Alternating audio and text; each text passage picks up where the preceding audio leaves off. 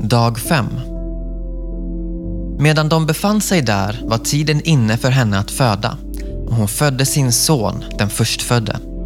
Hon lindade honom och lade honom i en krubba eftersom det inte fanns plats för dem i gästrummet.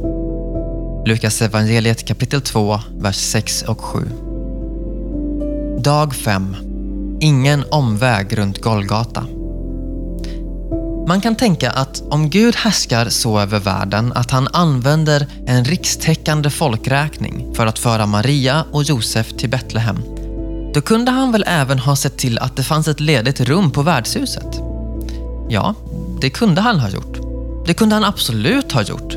Och Jesus kunde ha fötts i en rik familj. Han kunde ha förvandlat sten till bröd i vildmarken.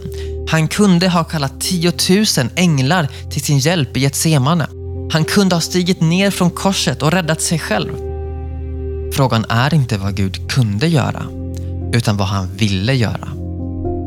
Guds vilja var att även om Jesus var rik skulle han bli fattig för din skull. Fullbelagt skyltarna över alla värdshusen i Betlehem var för din skull.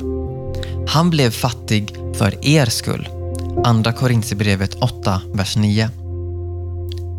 Gud råder över allt, även hotellbeläggningen och tillgängliga rum på Airbnb. För sina barns skull. Golgatavandringen börjar med en fullbelagt skylt i Betlehem och slutar med spott och hån på korset utanför Jerusalem.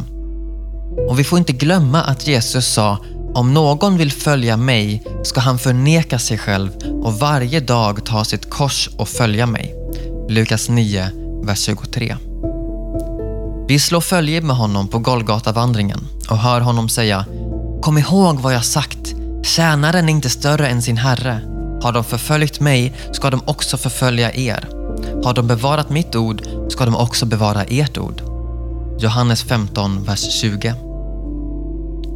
Till den som entusiastiskt ropar “Jag vill följa dig vart du än går” säger Jesus Rävarna har lyor och himlens fåglar har bon men Människosonen har ingenstans att vila sitt huvud. Lukas 9, vers 57-58.